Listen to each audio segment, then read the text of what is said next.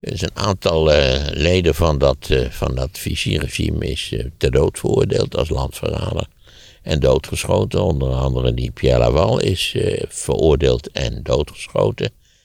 ook Philippe Pétain was ter dood veroordeeld. Maar omdat hij toch een, een held was, een militaire held, heeft de Gaulle heeft hem gratie verleend. Het verlossen, kunt u mij horen?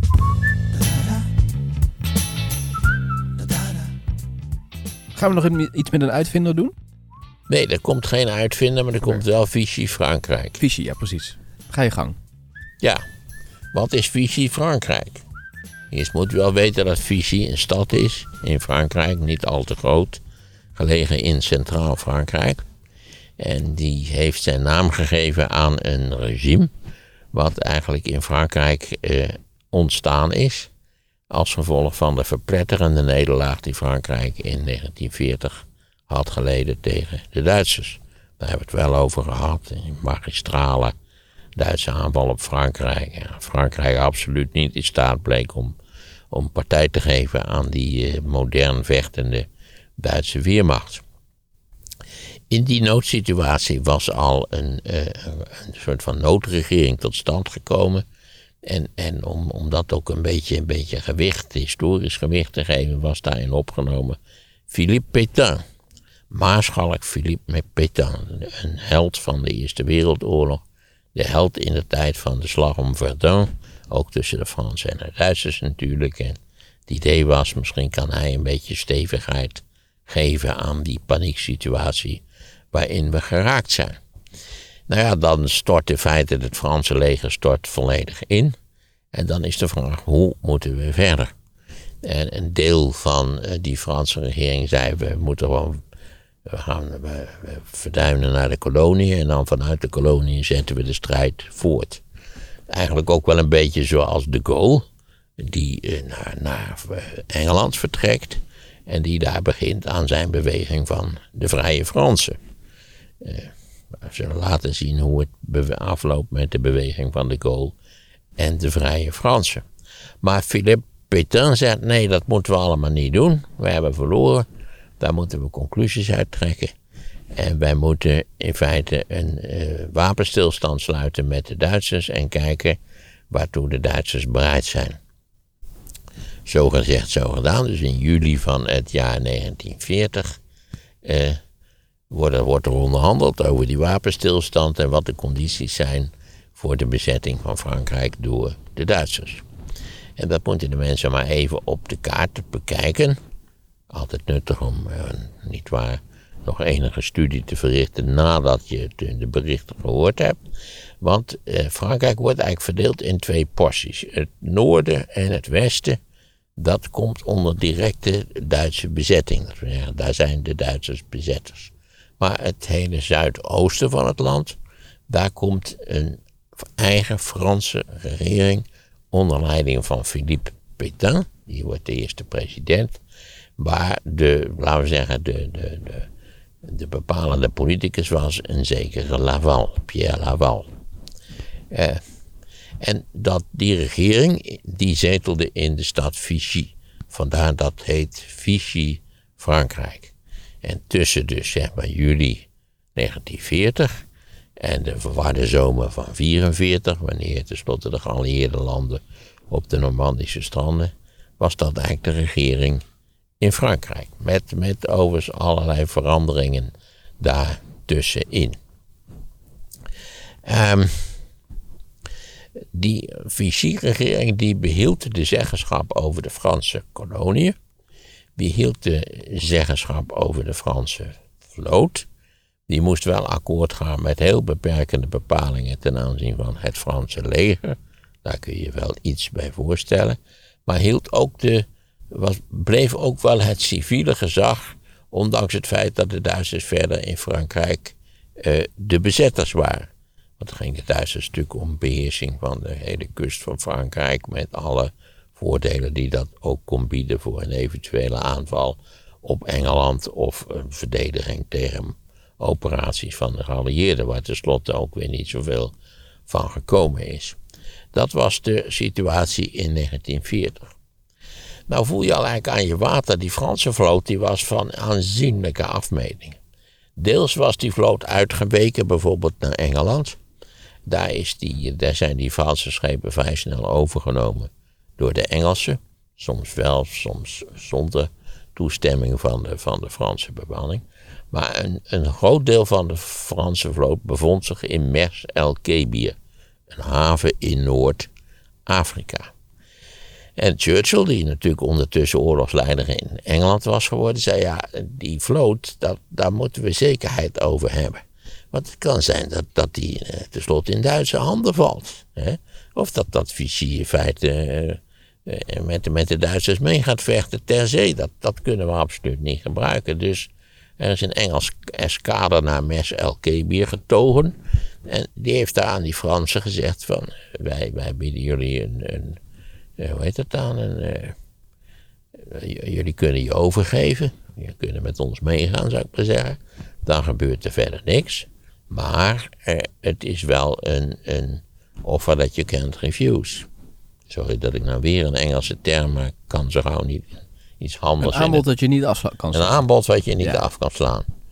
Want uh, als jullie niet meedoen, dan vallen de microfoon trouwens even iets, ah. want hij zit tegen je mooie ja, jas ik zie Het, ja. Als jullie niet meedoen, dan, dan vallen we jullie aan. Ja, die Fransen die weigeren mee te doen. En uh, het gevolg is in feite dat de Engelsen uh, ik geloof dat één Frans schip ont, ontsnapt is, maar er zijn er 1300 Franse doden gevallen. En, nou ja, je begrijpt dat dit sloeg in als een bom bij die Vichy-regering. En waarover zo meer. Uh, ja, dus de Engelsen hebben in feite afgerekend met een groot deel van de Franse vloot, die niet bereid was om zich aan de Engelsen over te geven of met de Engelsen mee te doen.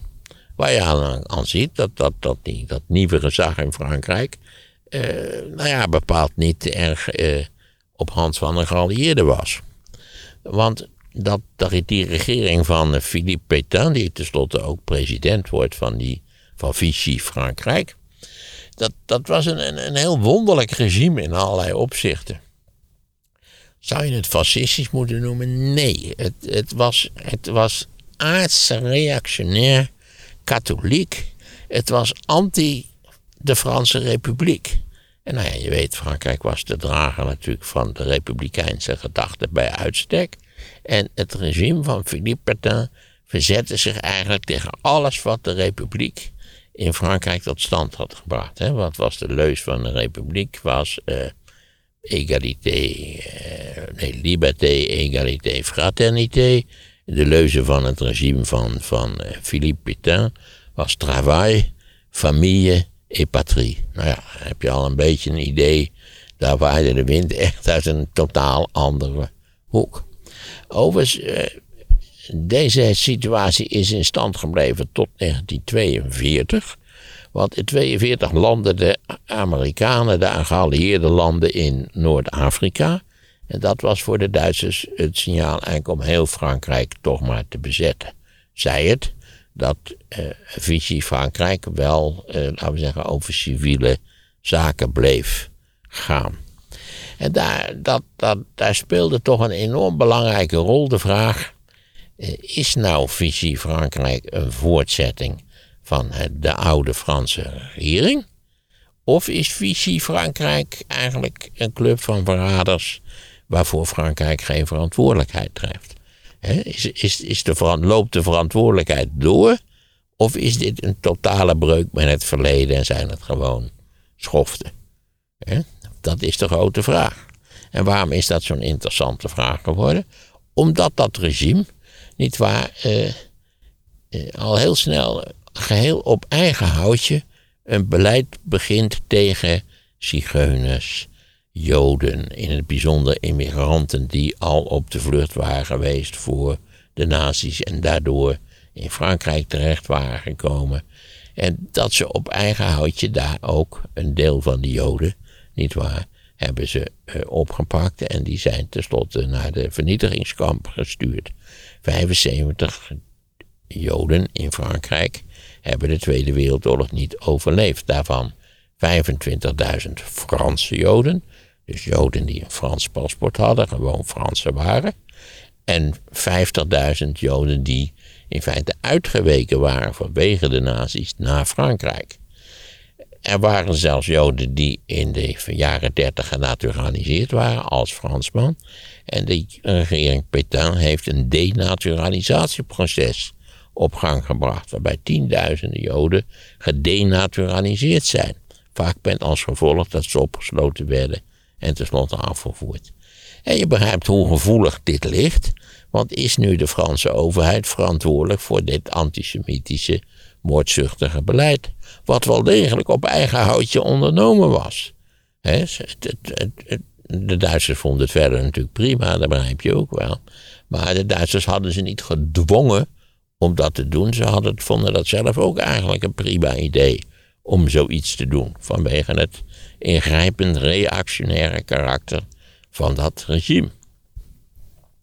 Nou zoals gezegd, tot 44. Eh, in 44 moest er natuurlijk iets gebeuren, omdat er twee landingen, geallieerde landingen waren. één in de Normandië en één in het zuiden. En dus al heel snel raakte Frankrijk natuurlijk bezet door, eh, door de geallieerde troepen. En toen is die, is die Vichy-regering, die is door de Duitsers uh, zeg maar opgepakt en verhuisd naar Sigmarinen in Duitsland. In, werden ze ondergebracht in een overigens bijzonder romantisch ogend kasteel. Maar Philippe Pétain weigerde verder alle medewerking met de Duitsers. Die zag wel dat de zaken in feite klaar waren, dat het afgelopen was. En nou ja, je kunt ook zeggen dat hij zich lelijk vergist had in datgene wat hij in, in 1940 had ondernomen. Al was hij wel bij uitstek zo uh, reactionair, wat zei hij ook alweer. Ja, Charles de Gaulle, dat is ons zwaard. En ik ben het schild van de Franse natie. Nou ja, of je dat voldoende vindt om het gedrag van Philippe Pétain goed te praten, dat is dan weer wat anders. Ten slotte zijn ze natuurlijk opgepakt. Toen ook uh, in, in, in geallieerde handen was gevallen. Even een klein slokje prikwater. Ja, eigenlijk belachelijk dat prik. Eigenlijk gewoon een flesje kraanwater in plaats van dat ik dit met een blikje ga drinken. Je hebt zeker wel gezien dat de, blik, de blikjeswetgeving dat die weer opgeschoven is. Die zou per januari ingaan. Het statiegeld op blik. Maar het wordt nou 1 april. Ook hoogste tijd. Dat had jaren eerder moeten gebeuren. Niet waar? Overal ligt het vol met blik. In Amerika zie je altijd van die bedelaars die zo'n hele zak lege blikjes achter zich aanslepen. Omdat je, je krijgt vijf cent voor zo'n blikje of zo. Ik weet niet wat het is. Waar moeten we dit gaan inleveren dan? Bij de supermarkt? Ja, dat, daar moet dus een apparaat voor opgezet worden. En dat was de reden dat het uitgesteld moest worden. Want je begrijpt het al, het apparaat was niet klaar. Maar het gaat gebeuren. Het gaat, eindelijk gaat het gebeuren. Echt waar? Het had twintig jaar geleden al moeten gebeuren, maar nu gaat het eindelijk gebeuren. Maar goed, nu weer terug naar Vichy Frankrijk. Want ja, die lui worden ingerekend en die zijn berecht. Dus een aantal uh, leden van dat, uh, van dat Vichy-regime is uh, ter dood veroordeeld als landverrader. En doodgeschoten. Onder andere die Pierre Laval is veroordeeld en doodgeschoten. ook Philippe Pétain was ter dood veroordeeld. Maar omdat hij toch een, een held was, een militaire held, heeft de Gaulle heeft hem uh, gratie verleend. Ondertussen was natuurlijk in Frankrijk de Gaulle aan de macht gekomen. Dat heeft in de jaren 40 niet zo verschrikkelijk lang geduurd, maar de Gaulle was nu aan de macht gekomen. Interessant is dat toen dat Vichy-regime begon, dus in 1940, dat het door tal van landen erkend is als de officiële regering van Frankrijk. Want zij zei ook, wij zijn de voortzetting van de regering van Frankrijk die er al was. Zonder overigens verder democratisch iets uit te spoken, want ik geloof aan de democratische procedures werd, eh, werd een eind gemaakt. Dus ik wilde maar op wijzen dat het Vichy-regime erkend werd, werd als de officiële Franse overheid, terwijl Charles de Gaulle en zijn vrije Fransen niet erkend waren. Er was natuurlijk de hele oorlog druk om dat wel te doen. Daar moet wel bij worden gezegd dat en Churchill en Roosevelt wel zo gruwelijk de pest hadden aan de Gaulle, dat ze daar geen zin in hadden, vooral Roosevelt. Omdat de Gaulle natuurlijk zo'n nou ja, rare, arrogante sneuter was. Eh, ja, die natuurlijk dacht, ik moet de gloire de France, moet ik, moet ik redden uit deze, deze afschuwelijke crisis die over ons gekomen is. Want je moet je wel beseffen dat die verpletterende nederlaag in feite in drie weken.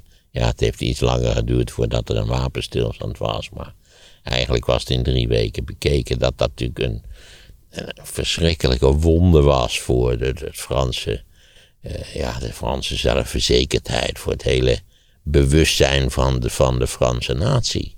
Zonder meer. En, en ja, dat de Gaulle natuurlijk al die tijd en ook later geprobeerd heeft om nou juist die glorie van die Franse natie, om die weer te herstellen. Je begrijpt ook wel dat na de oorlog een interessante vraag was: eh, is het nu zo dat de, de, de schandalen van, die, van dat Vichy-regime, niet waar is, moeten die nu toegerekend worden aan de Franse regering en dus aan de Franse natie? Of is dat, wat ik al zei, is dat eigenlijk toch het werk geweest van landverraders enzovoort? Zowel de Gaulle als bijvoorbeeld iemand als Mitterrand, die overigens aan het begin van de oorlog ook wel tot de collaborateurs hoorde, want dat is wel een zaak die je moet realiseren. Zeker in het begin is er eigenlijk door de Franse bevolking op enorme schaal gecollaboreerd met de Duitse bezetters. Dat is natuurlijk steeds minder geworden naarmate de oorlog vorderde en naarmate duidelijk werd dat de Duitsers gingen verliezen. Dat is wel begrijpelijk. Dat is natuurlijk, heeft dat in allerlei bezette landen heeft dat, dat proces vanzelfsprekend uh, voorgedaan. Uh, en er was een alternatief, dat was natuurlijk die vrije Fransen van de Gaulle. En je had natuurlijk het, het verzet in Frankrijk, de zogenaamde Maquis. Uh, die, ja, Frankrijk is natuurlijk een land waar je nog eens Nederland is wat klein om een, om een goed georganiseerd verzet op het platteland op de been te brengen. Maar in Frankrijk kon dat wel degelijk. En die Marquis heeft ook wel een rol gespeeld in, bijvoorbeeld in de voorbereiding van de landingen in, in Normandië. Dus ja, het probleem was na de oorlog wat, hoe, moet Frankrijk aankijken tegen het Vichy-regime? En het was een, een, in allerlei opzichten psychologisch ook, psychisch een etterende wonde. Ze schaamde zich natuurlijk voor, voor de afgang van 1940, voor de collaboratie op grote schaal in de jaren daarna. Al was die dan wel geleidelijk aan minder geworden, maar het was een, het was een drama. Frankrijk was beroofd van zijn aanzien. Frankrijk was niet meer een grote mogendheid. Frankrijk was, een, was uiteindelijk toch een, een, een. Nou ja, dat is gezien de lengte van de goal misschien een heel ongelukkige vergelijking. Maar Frankrijk was niet geweest, had zich niet gedragen als datgene wat ze zelf dachten dat ze waren, namelijk een grote mogendheid. Ze waren verpletterend verslagen. Anders kun je het niet noemen. En, en dat, dat, dat enorme probleem om daarmee af te rekenen, dat zie je eigenlijk in de hele geschiedenis van Frankrijk na de oorlog een rol spelen. De Gaulle komt natuurlijk aan de macht vanwege de problemen in Algerije aan het eind van de jaren 50. En de Gaulle heeft in, in die ruim tien jaar dat hij er gezeten, ja, tien jaar dat hij er gezeten heeft, natuurlijk al denkbaar gedaan om Frankrijk weer juist wel een grote mogendheid te maken. Door zich te verzetten tegen de, tegen de geallieerden die natuurlijk tot zijn ongelooflijke chagrijn Frankrijk bevrijd hadden in 1944. Hè, want ooit was het NATO-hoofdkwartier was in Parijs. Maar dat is de, de Gaulle zei dat ze op moesten donderen en zo. Toen is het NATO-hoofdkwartier toen naar Brussel vertrokken. En misschien is het wel het aardigste voorbeeld is dat de Franse tv een opdracht had gegeven om een grote documentaire te maken over het Vichy-regime. Aan een, filmmaker, documentairemaker genaamd Ophuls. En die heeft een, een, ik meen dat het vier uur beeld is, documentaire gemaakt over Vichy. En die film heet Le Chagrin et la Pitié. De woede en het medelijden. De verontwaardiging en medelijden. En nou ja, je voelt dat wel. Die, dat wordt beschouwd als een van de beste documentaires ooit. Geeft een helder beeld van, van wat er gebeurd is. En dat is natuurlijk in allerlei opzichten een heel treurig beeld. Denk aan die 75.000 Joden die niet waar onder toezicht van het, van het Vichy-regime afgevoerd zijn en vermoord zijn door de Duitsers. Het is, het is in, allerlei opzichten een drama. Je begrijpt het al, die film werd, werd niet op de tv uitgezonden. Het heeft tot, negen, tot begin jaren tachtig geduurd voordat de Cigar Lampier werd, werd eh, uitgezonden op de televisie. En je kon het wel ondertussen, geloof ik, in bioscopen kon je de film in principe wel zien. Maar de hele reactie daarop, het, verontwaardiging, boosheid, ja. Hoe kwam dat natuurlijk? Omdat het nog steeds heel gevoelig lag. En, en de Gaulle en Mitterrand hebben altijd gezegd: Vichy Frankrijk heeft niets met Frankrijk te maken.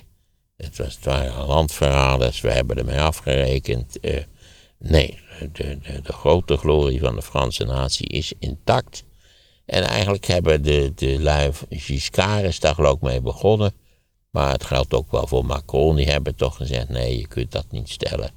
Frankrijk heeft wel degelijk gezondigd eh, in de vorm van het Vichy-regime. Het Vichy-regime was ook eigenlijk in allerlei opzichten de wettelijke voortzetting van het regime van wat daarvoor zat. En dat, dat valt ook wel vol te houden.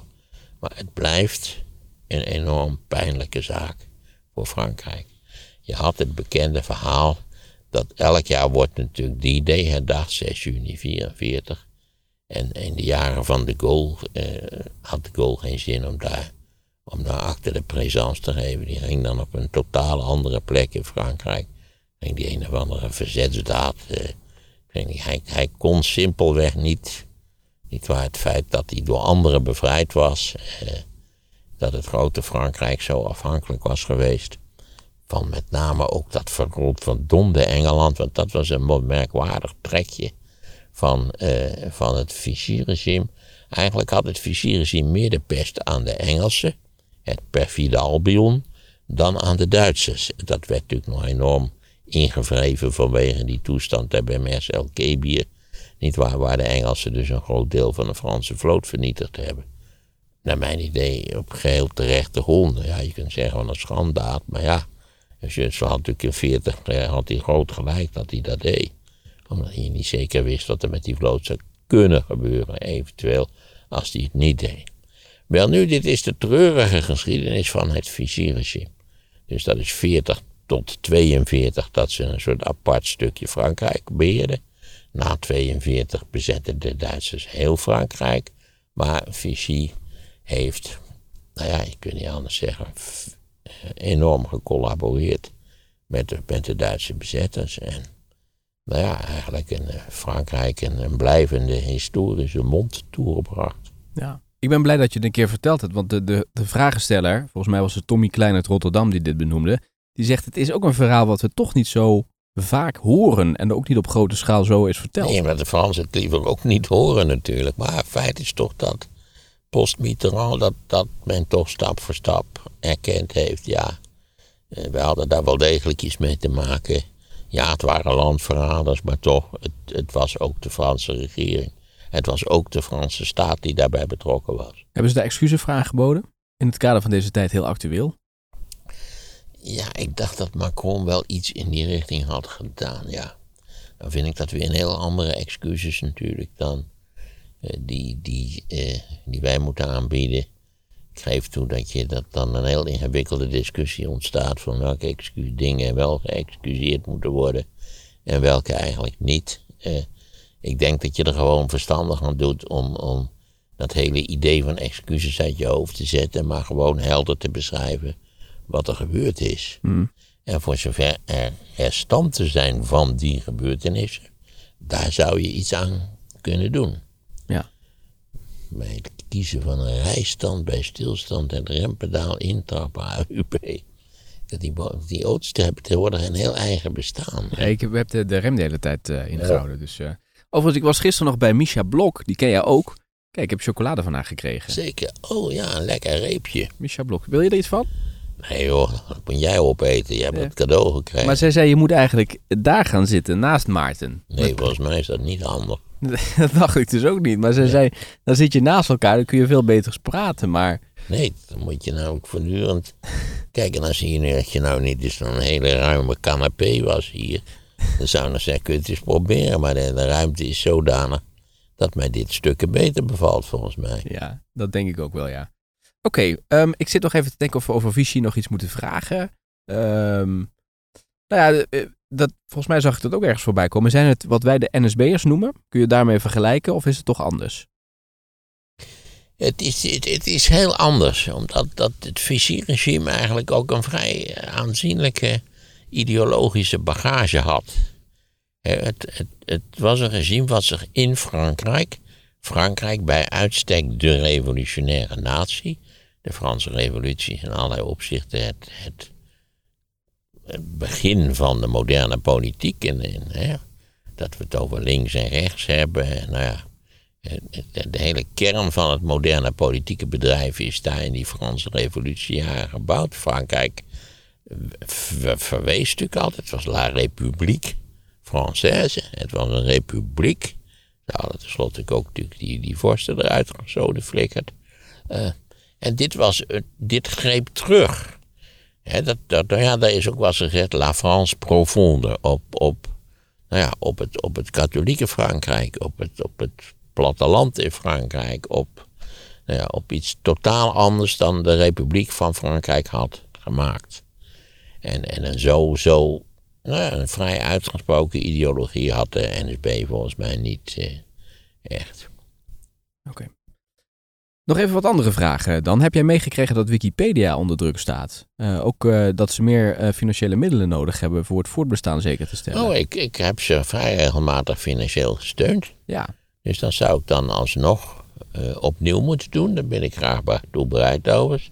Ja, dat natuurlijk, moet natuurlijk niet vercommercialiseren, dat is duidelijk. Dus je moet wel, een, je moet wel de onafhankelijkheid van een, van een encyclopedie kunnen handhaven.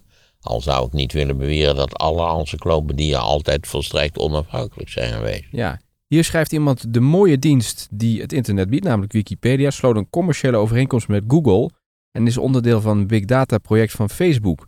Financieel is dat helemaal niet nodig, want Wikipedia zit op een grote zak met geld. Oh. Nou ja, daar heb, daar heb ik absoluut geen kijk op. Nee. Ik vind het een onbeschrijfelijke zegen en ik moet hopen, hopen, hopen dat het niets met, die afschuw, met dat afschuwelijke Facebook, niet waar, en, en, en die ellende van dit Zuckerberg te maken krijgt. Oké, dan even wat andere dingen. De NASA zegt dat er voor 1 miljard dollar aan tarwe geoogst is in door Rusland bezet Oekraïns gebied. Nou ja, ook dat is iets wat ik uh, mij nooit gerealiseerd had, maar wat nu natuurlijk door die oorlog duidelijk wordt. Niet waar, wat, dat, dat zowel de Oekraïne als een, een deel van Rusland verantwoordelijk zijn voor 40% van, de, van, de, van het graan wat op de wereldmarkt verkocht wordt jaarlijks. Ja. Dat was voor mij nieuw. Ja. Ik had het ook wel kunnen weten, nietwaar? Ja, de Oekraïne was, stond bekend als de graanschuur van Europa. Zeker. En auto-onderdelen ook, hè? Die werden ook voor een groot gedeelte gemaakt. Sowieso, uh, Oekraïne had een vitale, in ieder geval de mogelijkheid, een vitale economie te ontwikkelen. En dat zal natuurlijk, God, als, dit, als, dit ooit, als hier ooit een eind aan komt.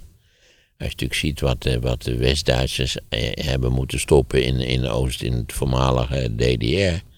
Niet waar.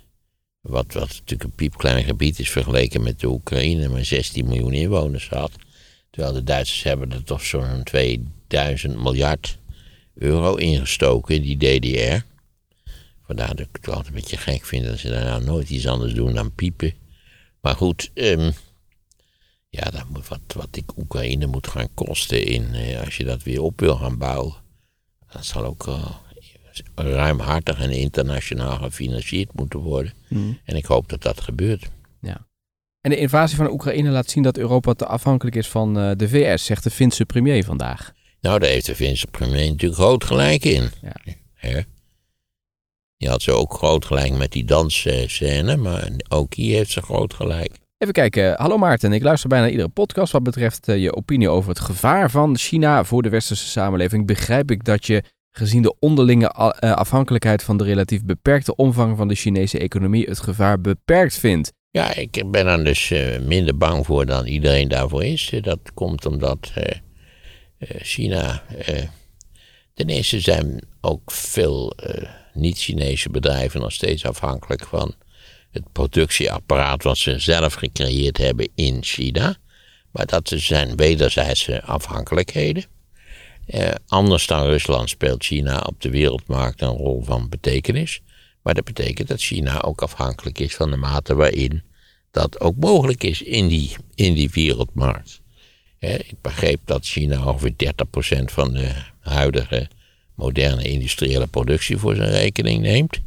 Dat is waar. Dus ook het idee dat we die afhankelijkheid snel zouden kunnen afbouwen of zo is een illusie. Maar er wordt veel te sterk ge, uh, beweerd dat China een, een ongelooflijk gevaarlijk en sterk land is. China heeft alle mogelijke aanzienlijke problemen, ook in zijn naaste toekomst. Niet waar, demografisch vooral. Door die één-kind-politiek, eh, door ernstige vergrijzing, door een snelle krimp van de arbeidende bevolking in de komende 25 jaar. Dat zijn allemaal problemen die aangepakt zullen moeten worden. En China heeft natuurlijk dat achterlijke gedoe van Xi Jinping en die Xi Jinping-thought, dus die, ja, die toch naar mijn idee extreme controlebehoefte van, van, van het politbureau. Eh, dat lijkt mij voor China, dat maakt China naar mijn idee niet krachtiger, maar zwakker. Ehm, en dan is er natuurlijk de kwestie Taiwan. En ja, ik geloof simpelweg niet dat het politbureau dat risico gaat nemen. Dus ja, ik, ik, ik, ik begrijp ook niet goed waarom Amerika zo expliciet koerst op de grootste vijand in de komende eeuw. Eh, we moeten alle zeilen bijzetten. Hoezo? Het is een commerciële concurrent. Zorg liever dat je dan ook producten maakt die er op de wereldmarkt eh, goed verkocht kunnen worden. Ja, ik eh, vermoed dat we er ook niet aan ontkomen om op 13 december tijdens uh, onze live podcast dit onderdeel ook aan te stippen. Want ik denk dat dat ook hoort bij Amerika na de Koude Oorlog en de rol van dat land na die Koude Oorlog. Die live podcast, ja, die kun je bijwonen. Er zijn nog een paar tickets, heb ik begrepen, van Tivoli Vredenburg. We hebben het linkje in de show notes staan. Beste Maarten, ik luister naar eh, de aflevering over de stoommachine en ik kijk een beetje op van het moeizame sprokkelen van de Nederlandse stoommachinevoorbeelden. Zeker nu ik begrijp dat eh, Van Rossum een stoomliefhebber en ook kenner is. Vanaf 1849 is de Haarlemmermeer volledig leeggepompt door eh, een stoommachine. Zeker. En in drie jaar is een volwassen binnenzee leeggepompt en via de ringvaart afgevoerd naar de Noordzee. Een huzarenstukje wat de UNESCO ertoe bracht het tot Engineering World Landmark te benoemen. Ja, dus er zijn best wel leuke voorbeelden te vinden. Ja, maar in die krukjes is de stoommachine verdwenen. En de bewegende apparatuur daar wordt door een elektromotortje aangedreven. Dus dat vond ik al een beetje. Dat, dat, had gewoon een stoomgemaal moeten blijven. Er zijn, er zijn nog een. Er is een prachtig stoomgemaal in Friesland, zoals we alle weten. Wat in noodgevallen opgestart kan worden ook hoogste tijd. Dat had jaren eerder moeten gebeuren. Ik heb laatst gelezen wat, wat de Apple eraan verdient en wat de Chinezen eraan verdienen. En dan moet je toch ook als Chinees denken, we doen iets fout. Dit moet op korte termijn moet dit veranderd worden. Want dit is een hele onrechtvaardige zaak. En dat is het ook in allerlei opzichten. Maarten over de geschiedenis van China.